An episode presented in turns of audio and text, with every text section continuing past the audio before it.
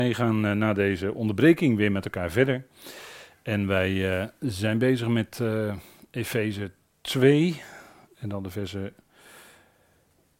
19 tot en met 22. En we zijn inmiddels bezig met het derde aspect, het godsdienstige aspect, dat we deel uitmaken van Gods woonplaats. En daarvan wordt gezegd, want daar zijn we inmiddels in de tekst. We hebben vers 19 nu met elkaar bekeken. En we gaan verder met vers 20. En daar staat gebouwd op het fundament van de apostelen en de profeten. Dus ik eindigde vlak voor de pauze met gebouw. Dat God bouwt aan een heel groot gebouw. Dat is uiteindelijk dan de nieuwe schepping. En we zien hier het aspect gebouwd op het fundament van de apostelen en de profeten. Natuurlijk, elk gebouw moet een fundament hebben. Dat is, eh, dat is duidelijk. En ik heb even voor u in overzicht gezet dat in dit stukje het woord huis, dat is in het, uh, ja, het Griekse woord oikos, maar goed. Het woord huis, dat het hier in allerlei woorden naar voren komt. Dus God bouwt, zou je kunnen zeggen, aan een huis. En een huis is een woning, is een woonplaats. Waarin, in dit geval dan natuurlijk waar het allemaal om gaat, waar God woont. En dan ziet u dat het woord tijdelijk verblijvende, daar zit heel letterlijk ook het woord huis in. He, dan ziet u staan langs bij huis er. En u ziet gezinslid staan, dat is een huis zijner. Opbouwen, dat is op huis bouwen. Een gebouw, dat is een huisbouw, letterlijk. En samenbouwen, dat is samen huis bouwen. Dus u ziet elke keer dat het woord huis terugkomt. Even een, even een kleine analyse van zo'n woord wat dan prominent in zo'n stukje tekst naar voren komt. En waaruit dus eigenlijk uit de grondtekst blijkt, maar dan moet je dus wel de grondtekst lezen. Dan uh, lezen, althans via de concordante vertaling kun je er dan achter komen. Maar dan zie je dus dat het woord huis hier heel sterk naar voren komt in dit stukje. En dat is natuurlijk ook het punt. Hè? Uh, het gaat over gebouw en je ziet het ook wel terug in de woorden die we in de vertaling hebben staan. Gebouwd worden, fundament, uiterste hoeksteen, heel het gebouw, tempel, samengebouwd, woonplaats. Dus u ziet dat het in de gewone tekst ook al duidelijk terug te lezen is waar het hier in feite om gaat. Hè? En ja, dat is denk ik toch wel bijzonder dat God door zijn geest dit dan zo heeft uh, geïnspireerd. Hè? En uh, ja, vorige keer noemde ik ook dat woord, maar daar maakte ik een klein foutje bij in de verwijzing. Want toen had ik het over het woord theopneustos. En toen zei ik de vorige keer dat het in 2 Korinthe 3 staat, maar dat is natuurlijk niet goed. Het staat in 2 Timotheus 3. Even herstellen. Even bij de les blijven, hè. Want dat is natuurlijk wat we weten. Die schrift is door God geademd. En dat is ook precies als iemand een woord uitspreekt, dan komt er tegelijkertijd ook, hè, in ons, bij ons mensen komt er ook adem mee. Als je een woord uitspreekt. En dat is nou precies wat bij God ook het geval is. Als God een woord uitspreekt, dan is het doorademd van zijn geest. En daarom is natuurlijk het woord adem en wind en geest in de grondtalen ook hetzelfde. Hè? Dus dat sluit natuurlijk allemaal op elkaar aan. En ik denk dat dat uh, wel even fijn is om dat te zien. Hè? En um, bouwen, dat is wat God doet. Bouwen aan zijn plan. Het plan is nog niet af. En soms gebruiken we wel eens dat beeld van een, van een huis wat in de stijger staat. Bij ons vlakbij in Capelle is dat ook. Er wordt uh, een heel nieuwbouwproject. En er uh, staan dan allemaal stijgers omheen. Maar nu zijn ze bezig de stijgers weg te halen. Ja, dan ziet het er ineens prachtig uit. Helemaal nieuw en in dezelfde stijl als de aangrenzende vletjes, zeg maar. Hè. Dus dat is mooi. Dus die stijgers zijn weg, dan is het gebouw op een gegeven moment is het af. Dat is mooi en dat vind ik altijd, als ik daarnaar kijk, dan denk ik altijd, ja, zo is het ook bij Gods plan. Als die stijgers weg zijn straks, dan is het gebouw is, uh, is af. Dan, hoeven de stijgers er niet meer bij. Dan is er een fundament gelegd en is het gebouw helemaal af. Dat is mooi. Maar we zijn nog op weg naar, uh, het staat nog in de stijgers, zeg maar. Het is nog niet af. Fundament, dat is ook zo'n mooi woord in, het, uh, in de grondtaal. Het woord fundament is uh, het woord temelios. En dat is een samengesteld woord ook. Dat is vaak zo in het Grieks, dat het samengestelde woorden zijn. En dat heeft te maken met plaatsen, dat is dat THE. Dat is eigenlijk afgeleid van plaatsen. En melios heeft te maken met meelij, dat is zorg. Zorgen, zorg. Dus een fundament is iets wat je zou kunnen zeggen, dat wordt met zorg geplaatst. En eh, ik heb hier ook een fotootje van een fundament, van een fundering erbij gedaan. Ter illustratie. Kijk, zo'n fundatie, dat moet gewoon goed gebeuren. In Nederland moet dat onderheid worden, want anders dan, dan gaat het niet goed op de duur. En in andere landen hoeft dat niet, want er wordt een huis direct op de rots gebouwd. Maar je moet een goed fundament hebben. Anders dan, en dat moet je met zorg plaatsen. Dat is wat Paulus ook hier zegt. Gebouwd, en dan gebruikt hij in die vergelijking ook het woord fundament, op het fundament van de apostelen en de profeten. Dus een fundering leggen, dat moet je met zorg doen. dat moet natuurlijk ook precies waterpas staan en, uh, enzovoort enzovoort. Anders krijg je toren van Pisa toestanden en zo. Maar dat is wat God natuurlijk heeft laten neerleggen met veel zorg. En dat gebeurde natuurlijk door middel van apostelen en profeten.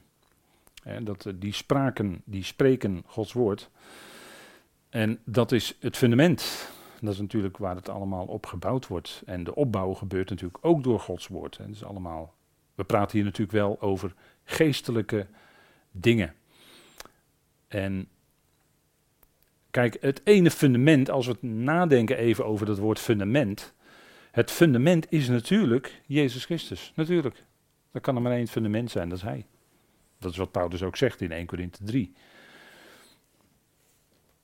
In 1 Corinthe 3 zegt hij, heb ik als een wijs opperbouwmeester, dat, eh, dat woord kennen wij wel, dat is het woord architect eigenlijk in het Grieks. Als een wijs opperbouwmeester het fundament geplaatst. Want niemand kan een ander fundament plaatsen. En dat is eigenlijk wel mooi dat het zo bij elkaar komt, want kijk, we zagen net in het woord fundament zit al het woord zorg en plaatsen. Maar dan gebruikt Paulus nog eens een keer dat woord plaatsen. En dan is het, dan is het helemaal, hè, dat is geplaatst. Hè, dat is met, met zorg is dat aangebracht. En Paulus heeft dat met zorg gedaan. Hij zegt ook, kijk, ik heb fundament gelegd. Fundament is Jezus Christus. Fundament leg je ook maar één keer. Dat kun je niet vervangen. Dat is, hè, dat is uniek. En daarop wordt dan verder gebouwd. En op dat fundament wordt dan gebouwd, staat hier in Efeze 2, maar ik wijk even uit dus naar 1 Korinthe 3, dat hij met het fundament geplaatst wordt en dat moet dus met de grootst mogelijke zorg gebeuren. En dat heeft Paulus ook gedaan. die is uh, bezig geweest als uh, apostel, als afgevaardigde, om dat fundament te leggen. En ja, dat is natuurlijk de Heer zelf. dat uh, is natuurlijk de essentie daarvan, zijn kruisdood en zijn opstanding. Natuurlijk, het fundament is Jezus Christus, dat is altijd zo. Dat is uh, natuurlijk wat we mogen weten. En een ander voorbeeld van fundament, als we even nadenken over het woord fundament, vinden wij in de Hebreeënbrief. En daarin wordt iets bij elkaar gebracht wat ik toch wel boeiend vind, om dat eens even met u een beetje op in te zoomen. Kijk, wat was nou voor die Hebreeën, als we even nadenken over de Hebreeënbrief, die werd geschreven aan mensen uit het volk Israël die het koninkrijk verwachten, het aardse koninkrijk. Zij geloofden in Jezus als hun Messias. En naar de tijd gerekend, zegt de Hebreeën schrijver, hadden jullie al leraren moeten zijn. Daar eindigt uh, Hebreeën 5 mee. Hè? Maar ze waren nog bleven bij de grondbeginselen, bij de eerste beginselen, waren ze in feite blijven hangen. Of hadden die zelfs uh, daar afstand van genomen. Niet in positieve zin, maar in negatieve zin. En dat is wat uh, de Hebreeën schrijver zegt in Hebreeën 6, vers 1. Daar staat daarom het woord van het begin van Christus, van de Messias, achterlatend, zouden wij tot volwassenheid gebracht worden. Dus dat achterlaten is hier niet, in deze tekst hier niet negatief, is juist positief. Maar we zouden die beginselen, zegt de Hebreeën schrijver tegen zijn mede-volksgenoten, zouden we achterlaten. Waardevol, maar we moeten achterlaten. We moeten verder, we moeten groeien, we moeten door. tot volwassenheid gebracht worden. Vandaar het woord eh, groeien.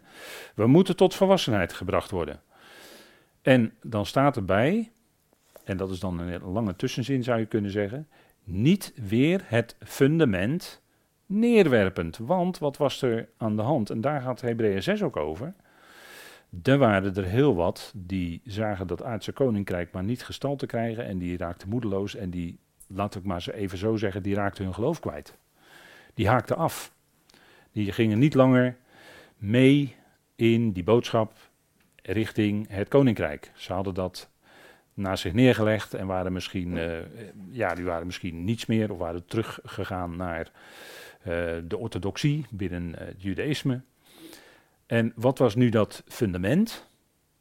Dat maakt de Hebreeën schrijver hier duidelijk. Dat is het berouw van, noemt hij zes punten, hè? berouw van dode werken. Dat was waar ze mee bezig waren. Doden, daar hadden ze ingezien, daar hadden ze berouw van. Meestal wordt het woord bekering dan gebruikt. Maar ze waren niet meer bezig met die dode werken van proberen door eigen wetswerken een stukje gerechtigheid voor God te bewerken. Dat zijn dode werken. Dat je probeert door eigen werken gerechtigheid voor God enzovoort. Daarvan hadden ze berouw gekregen, want ze hadden ingezien dat Jezus de Messias is. Geloof in God. Dat is een algemeen geloof.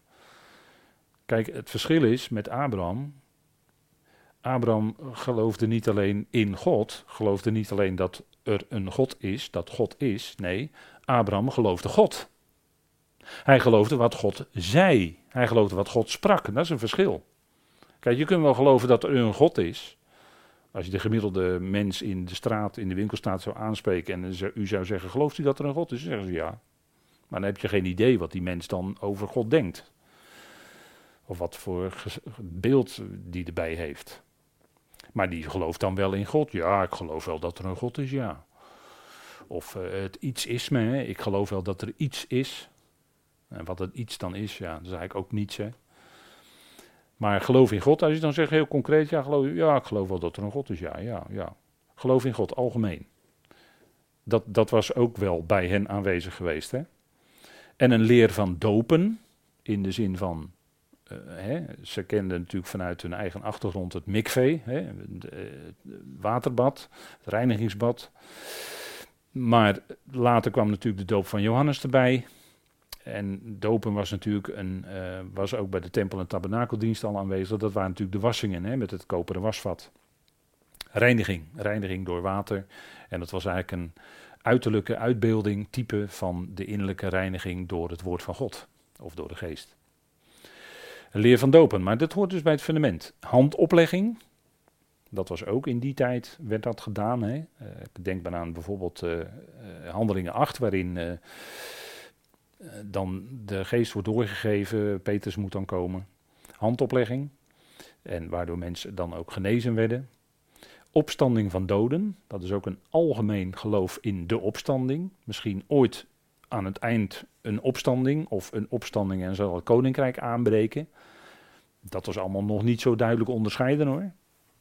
Opstanding van doden en een eonisch oordeel. Dat er ooit wel een keer een dag zal komen waarop de mens geoordeeld zal worden. Ja, dat geloofden ze ook wel. Nou, dat zijn zes basis, fundamentele principes, zeg maar, waar die Hebreeën in geloofden. Maar daar waren ze van afgestapt. Niet in de positieve zin, wat de Hebreeën schrijver hier op doelt, van jullie moeten doorgroeien naar volwassenheid. Nee, ze hadden dat, ze hadden dat in feite verworpen door, door daar afstand van te nemen. En daarom wordt het woord neerwerpen hier gebruikt. Niet weer het fundament neerwerpend, dat is geen positieve term. Kijk, daarom, mede daarom zoomen we even in op dat woord fundament. Kijk, wat doe je met een fundament volgens de Bijbel? Hebben we net gezien. Plaatsen. Een fundament plaats je. een, een met zorg geplaatst iets moet je plaatsen. Dus een fundament aanbrengen, een fundament funderen, een fundament in de grond zetten, dat is niet neerwerpen, nee, dat is plaatsen. Dat is een tegenovergesteld begrip. Dat wil ik eigenlijk ook mede hiermee duidelijk maken. En hier wordt het bij elkaar gebracht en de vertalers konden hier niet anders dan het woord neerwerpen gebruiken. Waarom? Omdat hier het fundament klinkt, het woord fundament klinkt, en toen moesten ze wel neerwerpen vertalen. Terwijl ze misschien in andere teksten vertalen met grondleggen. Want het punt is ook hiermee, wat hier sterk mee verbonden is, dat in veel vertalingen het woord nederwerping vertaald wordt met grondlegging. Maar het punt is dat als je denkt dat het bij de nederwerping van de wereld, een term die verschillende keren gebruikt wordt, zullen we nog zien in de schrift. Als je denkt dat de term de nederwerping van de wereld gaat over de grondlegging van de wereld, dan heb je het mis. Maar als je dat vervolgens ook nog in je vertaling zo weergeeft, dan heb je het naar mijn smaak dubbel mis.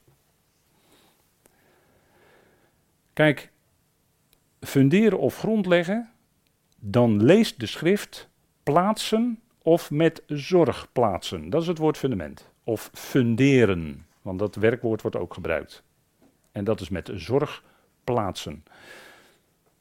Gaat het nu in de schrift om de wereld, dan wordt ervan gezegd, als het, als het echt gaat om het begin van de wereld, dat we zeggen de hemelen en de aarde. Want het woord wereld moet je ook nog steeds in zijn context bekijken, waar gaat het eigenlijk over?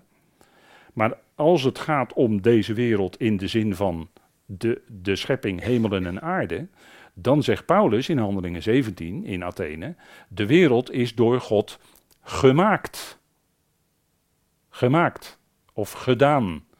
er wordt een Grieks woord gebruikt, dat kun je met, zowel met doen als met maken vertalen. Dat heb je in het Hebreeuws ook. Of in Romeinen 1, vers 20, de wereld is door God geschapen.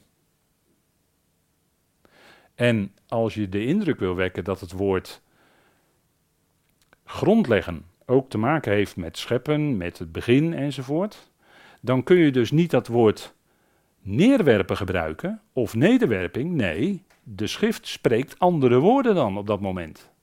Dat is het punt. En kijk, dat, dat is natuurlijk wat wij geloven. Je zegt, ja, de wereld is geschapen door God. Zeker, zeker. En de wereld is gemaakt. Hè. In die zes dagen is de wereld ook gemaakt. Dat we zeggen, dat was een herstelwerk van God. In Genesis 1 vers 1 gaat het natuurlijk over de hemelen en de aarde die door God geschapen zijn. Dat is de oorspronkelijke, wij zeggen dan, eerste schepping. Die werd nedergeworpen. Daar getuigt Genesis 1 vers 2 van. Dat was het gevolg van de nederwerping. En vervolgens wordt die wereld door God gemaakt. Dat wil zeggen, hij wordt hersteld in zes dagen. Dat is waar Genesis 1 verder dan over gaat. En dat is wat we ook zien in die uitdrukking. Ik heb ze hier even op deze slide gezet. Kijk, als, er, als het gaat om wereld, het woord wereld, als we dat even, even, even vanuit het grondwoord bekijken. Het woord wereld is in feite het woord systeem. Of een geordend, ja, een systeem is sowieso geordend, maar dan zeggen we nog eens overvloedig, een geordend systeem. Dat is het woord wereld. Die wereld, die kan inderdaad neergeworpen worden. Dat kan. Dat is, maar we hebben al inmiddels al gezien dat het in feite in de Hebreeën in ieder geval dat woord neerwerpen niet positief is. Als het ging om dat fundament. En als het gaat over een wereld die werd neergeworpen, ja, dan zegt de schrift dat verschillende keren en spreekt zelfs, en die schrift haalt het ook uit elkaar, die spreekt over voor de nederwerping van de wereld, of voor nederwerping van de wereld, want er staat nooit een bepalend lidwoord bij. Voor nederwerping van wereld, moet ik dan eigenlijk zeggen. En de schrift spreekt over vanaf neerwerping van de wereld. En het punt is dat dat woord funderen of het woord grondleggen, wat er natuurlijk funderen en grondleggen, dat zit natuurlijk heel nauw bij elkaar in de Nederlandse taal sowieso. Maar dat woord neerwerpen, dat wordt in de schrift in ieder geval niet verbonden met het leggen van een fundament of iets dergelijks. Ik hoop dat u nog, uh, ik hoop dat u nog een beetje volgt. Het is al laat op de avond na de pauze. Maar het punt is dat de, dat de schrift dus duidelijk spreekt over een, dat er een, systeem was. Als ik het, misschien zeg ik zo ietsje scherper. Er was een systeem en dat systeem werd neergeworpen. En dat had allerlei consequenties. En als je deze teksten gaat nalopen, dan zie je dat, dat, dat daar iets in die teksten ook gezegd wordt. Wat, wat, heel, ja, wat, wat heel, hele belangrijke dingen omtrent Gods reddingsplan, de zonde, uh, dat, datgene waarmee het zondeprobleem wordt uh, opgelost of weggedaan. Hè, 1 Petrus 1 vers 20, het lam dat geslacht zou worden, was al gekend voor de nederwerping van de wereld, zegt Petrus. Wij zijn uitgekozen in Christus voor de nederwerping van de wereld, of voor nederwerping van de wereld. En als we zien in die andere teksten vanaf, dan wordt er ook gesproken over het bloed dat vergoten is vanaf de nederwerping van de wereld. En lees openbaring 13 en 17 maar erop na. Het heeft allemaal op een of andere manier te maken met dat er iets gebeurd moet zijn wat te maken had met zonde, zondigen. En dat het probleem ook vervolgens door God werd hersteld of opgelost. Dat die zonde werd weggedaan. Daar heeft die term nederwerping van wereld mee te maken. En mijn, mijn bezwaar is, als je dat vertaalt met grondlegging of grondvesting van de wereld, dan doe je volgens mij het woord katabole, wat er in het Griek staat, tekort. Dat doe je daarmee tekort. En als je het in de elementen wil, wil uitsplitsen. Kijk, het Griekse begrip kata is een neerwaartse beweging. In, in uh, overigens de UR, er is een nieuwe UR uit. staat een artikel in van Dian Huff. En Dian Huff heeft het over Kent u dat in de natuur? Katabolisme, kent u dat verschijnsel? Moet je maar eens nalezen in het artikel. Gaat er heel, vertelt er heel mooi over. En het tegenovergestelde, anabolisme, vind je in de natuur. Dat is heel mooi. Maar het treft dan wel dat het, dat het begrip wat ervoor gebruikt wordt, wat gebeurt in de natuur, een afbreekproces, dat het aangeduid wordt met katabolisme. En dat woord kennen wij, want dat is wel degelijk een Grieks woord. Nou, dat woord kata betekent een neerwaartse beweging. En bole, dat is afgeleid van het Griekse woord ballo, en dat is werpen. Dus als je het gewoon letterlijk vertaalt, is het neerwerping. En ik, persoonlijk kan ik er dan niet meemaken als mensen dat vertalen. En er is in heel veel vertalingen gebeurd, als je het vertaalt met het woord grondlegging dan denk ik van ja, dan krijg ik kortsluiting. Want dat is niet wat ik zie staan. Dus er is iets gebeurd met die wereld, met dat systeem. Dat is op een of andere manier neergeworpen. Ja, en er is wel iets gebeurd in het verleden. Die zonde is niet zomaar uit de lucht komen vallen. Het is niet zomaar spontaan ontstaan. Nee, wij weten uit de schrift dat er wel degelijk een tegenstander door God gecreëerd is, geschapen is. Ja, als tegenstander, daar spreekt het boek Job over. En die kon niet anders doen dan waarvoor hij geschapen was. Zondigen, doelmissen. Doelmissen. En die beantwoordt precies, die doet precies datgene wat hij in Gods plan moet doen. Dat doet hij naar zijn aard, waarvoor hij geschapen is. Ja, dat, dat, dat is het woord wat de schrift spreekt. Daar komt de zonde vandaan. En God heeft dat natuurlijk van tevoren allemaal gepland. En het lam van God was dus al, hè, werd al gezien als van voor de nederwerping van de wereld. Dus voordat, hè, die nederwerping heeft dus alles te maken met dat zondigen of die zonde die de intrede deed in de schepping.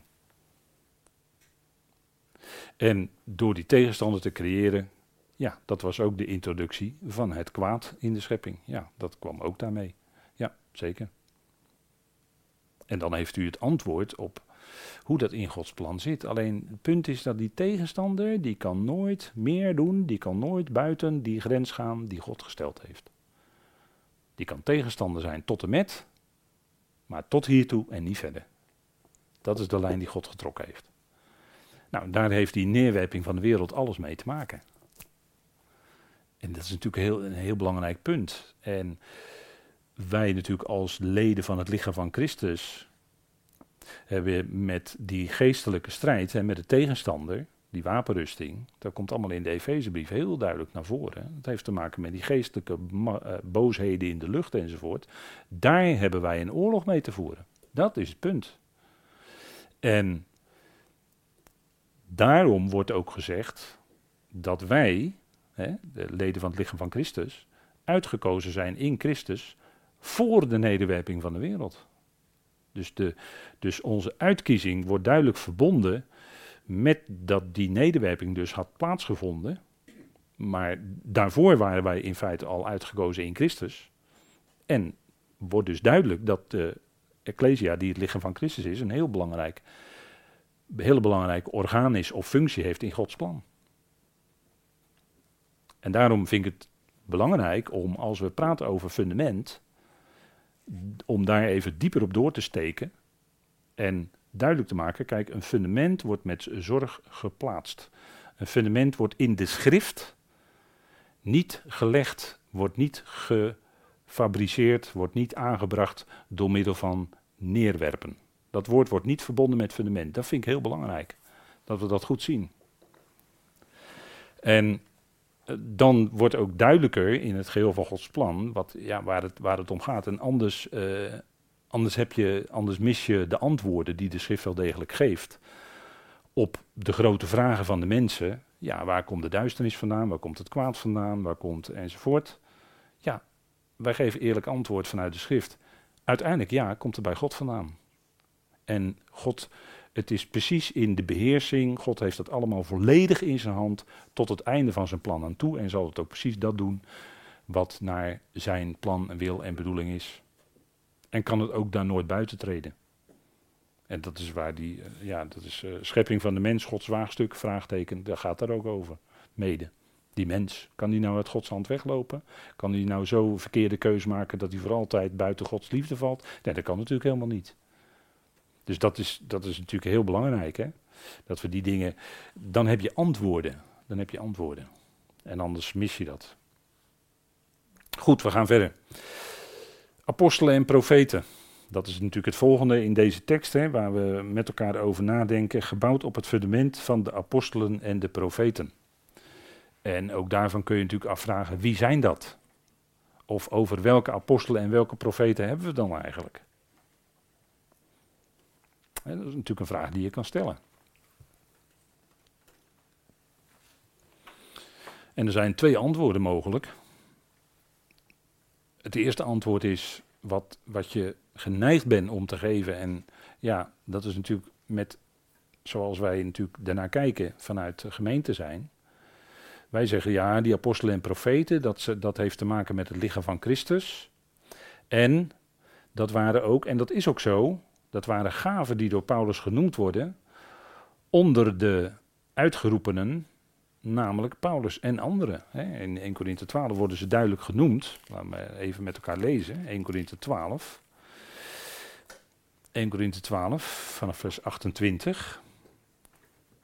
En dat is natuurlijk hè, in, in de lijn van ontwikkeling, dat zeg je gelijk bij, in een bepaalde lijn. Want eh, er zijn natuurlijk dingen waarvan we echt weten dat het in deze tijd niet meer van toepassing is. 1 Corinthië 12 vers 28. God nu heeft sommigen in de gemeente een plaats gegeven. Ten eerste apostelen. Ten tweede profeten. Ten derde leraars. Vervolgens krachten. Daarna genadegaven van genezingen. Vormen van hulpverlening, bestuurlijke gaven, allerlei talen. Zijn zij soms allen apostelen? Zijn zij soms allen profeten? Zijn zij soms allen leraars? Zijn zij soms alle krachten? Hebben zij soms allen genadegaven van genezingen? Spreken zij soms allen in talen? Zijn zij soms allen uitleggers? Streef dus naar de beste genadegaven. En ik wijs u een weg die dit alles nog overtreft. En dan komt het hoofdstuk van de liefde. Hè? gaat daar bovenuit. Ze streefde heel erg naar de gave, maar de liefde, dat, uh, daar moest Paulus nog wel een hoofdstukje over schrijven met ze. Maar het punt is dat Paulus hier natuurlijk vrij uitgebreid ook die vraagstelling doet aan die Corinthiërs. Eigenlijk zeggen wij van ja, dat zijn hele makkelijke vragen. Want ja, natuurlijk zijn niet, uh, is niet iedereen apostel. Natuurlijk is niet iedereen een profeet. Natuurlijk is niet, niet iedereen een genezer. Natuurlijk, enzovoort. Maar hier worden wel duidelijk genoemd apostelen en profeten. En die staan ook als eerste en tweede genoemd. Hè? Dus die, zijn, die, die stonden als, zeg maar, als hier als hoogste gaven al aangegeven. En we weten natuurlijk dat genezingen en krachten en, en al dat soort dingen, dat het allemaal ehm, die, die tijd nog wel functioneerde, omdat het een tijd was uh, waarin nog lang niet alles goed duidelijk was. Maar we zijn inmiddels verder en er zijn veel dingen duidelijk geworden. Dus heel wat van die gaven die functioneren vandaag de dag niet. Die zullen straks in de aanloop, als wij weg zijn naar het koninkrijk, wel weer gaan functioneren. Dan krijg je wel weer genezingen, dat de lammen gaan lopen, dat de blinden gaan zien, dat de doven gaan horen enzovoort. Als tekenen van het evangelie van het koninkrijk, wat klinkt, hè, dat krijgen we natuurlijk nog. Maar dat is nu niet, vandaag niet. Dus je kunt zeggen, met heel goed recht, die apostelen en profeten, die horen, dat zijn die apostelen en profeten, die horen bij het begin van het lichaam van Christus. En dan heb je een punt, want dat wordt hier in 1 Corinthië 12 ook gezegd. En dat is ook, dat, dat is ook wel zo. Specifiek hè, geldt voor ons, en dat benadruk ik elke keer, de boodschap die de apostel Paulus heeft mogen brengen. Dat is voor de gemeente het voedsel, dat is voor de gemeente bedoeld, hè, het lichaam van Christus. En al het andere is opbouw daar naartoe. Al het andere is allemaal ons tot voorbeeld en ter lering geschreven. Opvoeding in de gerechtigheid enzovoort. Allemaal prima. Maar specifiek, echt to the point, het lichaam van Christus is de brieven van Paulus. Dus die apostelen, misschien was Timotheus ook wel een vorm van apostel. En profeten, die zitten in het fundament van de gemeente en van het lichaam van Christus. En eh, prima, als je het zo zegt, dan zeg ik akkoord, prima. Maar het punt is, punt is, is nog een tweede mogelijkheid. Want dat is natuurlijk dit stukje waar het hier over gaat. Gaat dit stukje nu specifiek, hè, de versen die we nu met elkaar bekijken, hè, het bredere stuk, vers 11 tot en met 22, gaat in feite over het gezamenlijk deelhebber zijn. Gaat dit hele stuk, gaat dit nu specifiek alleen over de gemeente als lichaam van Christus? Of is hier nog wat meer? Is het niet wat breder? En in feite heb ik het antwoord daar al op gegeven. Het gaat hier om een breder perspectief. Het punt is dat wij zijn wel natuurlijk gezamenlijk burgers van de heiligen, maar de, de, betiteling zegt het al, gezamenlijk burgers van de heiligen. En dat wil zeggen, als het gaat om Israël specifiek, zijn zij koningen en priesters op aarde. En horen zij in die zin bij het koninkrijk van God. En wij zijn boven, te midden van de hemelsen. Wij zijn leden van het lichaam van Christus. Wij zijn geen koningen en priesters. Maar wij horen wel in dat koninkrijk van God. En dan specifiek in het koninkrijk van de zoon, van zijn liefde. En zo, zo bezien zijn wij met Israël samen in dat hele grote plan van God over heel de schepping, zijn wij gezamenlijk burgers. In zijn, onder zijn regering. Dus dat is een wat breder perspectief dan alleen puur het lichaam van Christus. En dat is eigenlijk wat in dit stukje ook aan de hand is. En vandaar dat we hier kunnen denken, apostelen en profeten, uh, wat breder dan 1 Korinthe 12, om het zo maar te zeggen. Dus de apostelen die gezonden waren tot de besnijdenis. De profeten. Johannes was de allergrootste profeet van uh, onder het oude verbond, om het zo maar te zeggen. Maar de Heer Jezus was ook profeet en bracht ook het evangelie van het koninkrijk. Dus dat alles bij elkaar, dat alles bij elkaar bouwt die hele, bouwt toe, hè, bouwt voort bouwen met al die woorden, bouwen met al die functies, bouwen ze aan dat grote plan van God naar die nieuwe schepping, richting die nieuwe schepping. Het is nu allemaal nog in de geest, maar dat bouwt naar die nieuwe schepping dat geheel. En zo bezien zijn apostelen en profeten gaat hier over die hele schepping, dat hele gebouw van God, wat alles omvat. Dus dan is het breder. Kan misschien voor u even verwarrend zijn. Maar we houden toch die lijnen van die verschillende evangeliën natuurlijk nauwkeurig uit elkaar. Dat blijven we doen, omdat dat, die twee lijnen nu eenmaal gelijk lopen, parallel lopen in Gods plan. Blijven we doen, we houden keurig de lijnen uit elkaar. Alleen we stellen hier vast dat het hier gaat om een groter geheel, om het totale geheel. En dan is het ook breder apostelen en profeten. De apostelen en profeten, en, want het beeld is hier ook een tempel. Het beeld wat hier naar voren komt is een tempel in vers 21.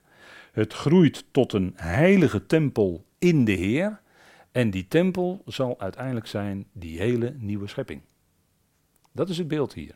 Hier is het beeld niet het lichaam van Christus. Dus we zien hier een ander beeld. Ja? Heel het gebouw, wordt gesproken over een gebouw. En het blijkt te zijn dan, en natuurlijk ook in een beeld, een tempel in de Heer, in wie jullie samengebouwd worden. Dat waar Israël op aarde aanbouwt, bouwen wij aan te midden van de hemelsen straks. En samen bouwen we met z'n allen aan die ene woonplaats van God in de geest. En dat is uh, een geestelijke tempel. Het is natuurlijk beeldspraak. Het gaat hier niet om een letterlijk gebouw, maar het gaat hier om een geestelijke tempel. Die doordrongen zijn, zal zijn van de geest van God. En die is nog steeds in opbouw, is nog steeds in ontwikkeling. Dat zijn alle, dat zijn alle woorden die hier gebruikt worden in dit stukje, die wijzen daarop. En dat is denk ik goed om met elkaar te zien. En dat is misschien een wat ander gezichtspunt dat u, dan u tot nu toe dacht van dit stukje. Maar als je, het, als je erop inzoomt, dan is dat toch het meest duidelijke wat hier naar voren komt. Hè? Let op de terminologie. Tempel wordt niet voor niks gebruikt hè, hier, dat woord.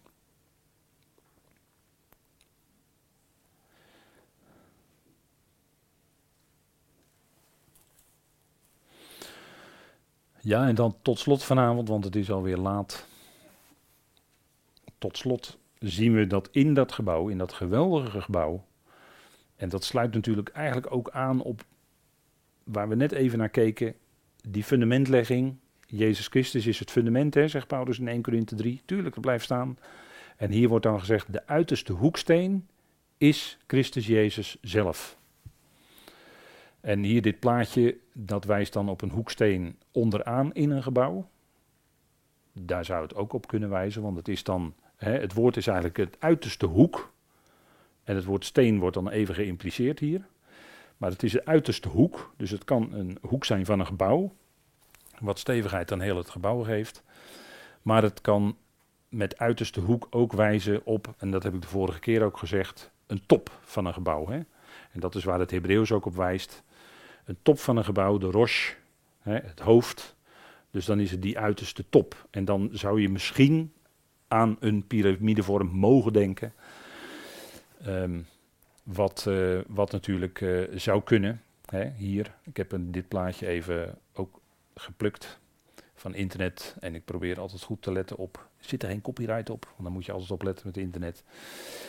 In wie heel het gebouw samengevoegd groeit tot een heilige tempel in de Heer. En misschien zou je dan hè, die, die uiterste top, hè, die top van de hoek, dat zou ook die top van de piramide kunnen zijn. En dat is dan Christus Jezus zelf, hè, die uh, dat ene hoofd is waaronder, en dat is ook het beeld van Efeze 1. Hè. Uh, hij is het hoofd en daaronder komt heel die schepping, hemel en aarde, komen onder hem hè, als hoofd. Dus je zou het misschien zo mogen zien. Maar even terugkerend naar dat uiterste hoeksteen. Dat lezen wij, en daar sluiten we dan mee af, in Psalm 118, vers 22. Want dat is, daar is die dat woord aan ontleend. Psalm 118. En waar zitten we dan in, in de psalmen? Psalm 118, hoe heet dat stukje?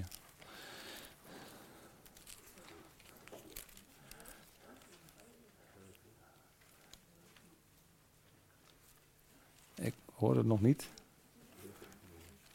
Dit stukje, Psalm 113 tot Psalm 118. Ik zal een beetje helpen. Hoe heet dat?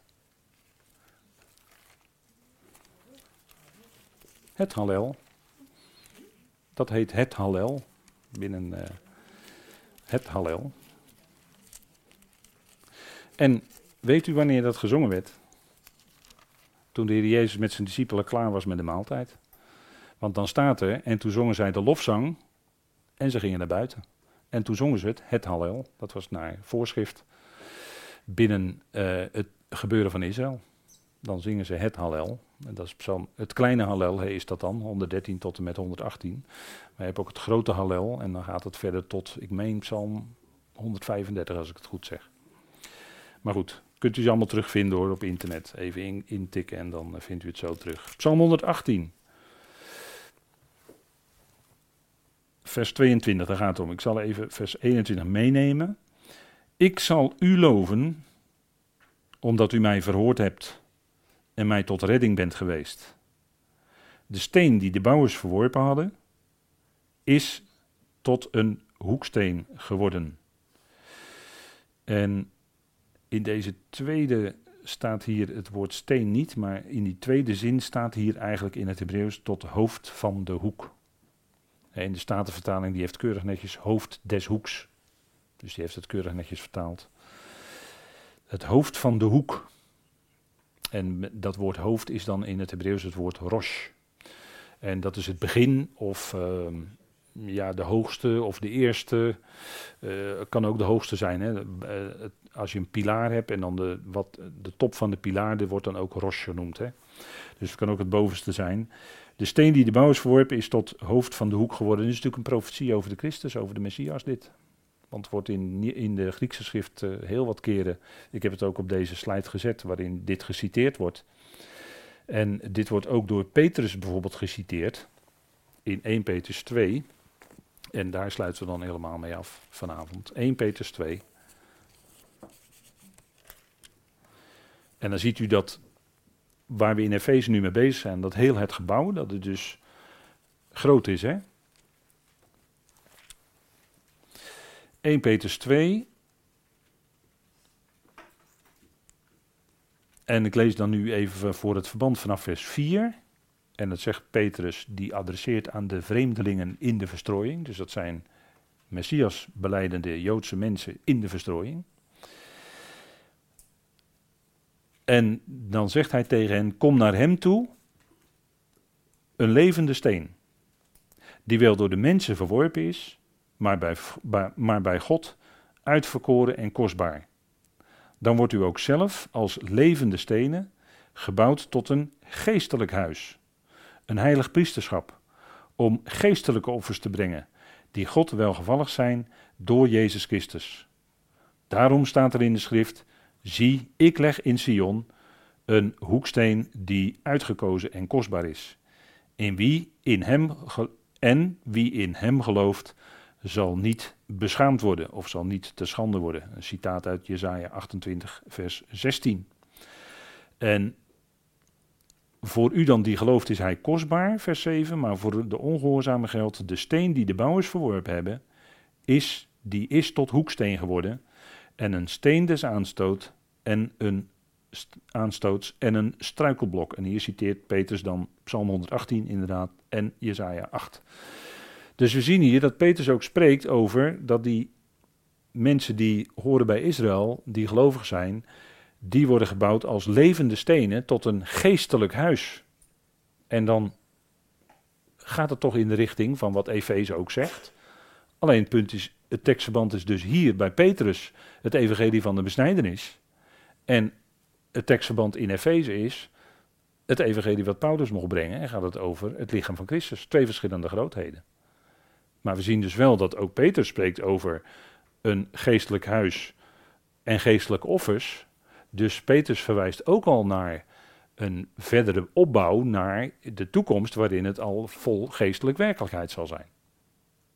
En natuurlijk erkende Petrus ook dat in de brieven van Paulus inderdaad, ja, vele die schreef naar de hem gegeven wijsheid en vele dingen zijn moeilijk om te begrijpen. Ja, dat zei Petrus ook. En daar zie je ook het verschil tussen Petrus en Paulus. Ja, die verschillende lijnen.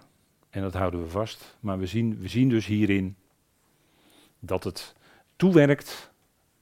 Allebei die lijnen werken toe naar die eindbestemming wanneer het allemaal één grote tempel zal zijn, Gods hele nieuwe schepping, één grote tempel waarin God alles in al is. En daar gaat het naartoe. Nou, dat is denk ik toch een heerlijk perspectief waar we dan deze avond mee mogen afsluiten met elkaar.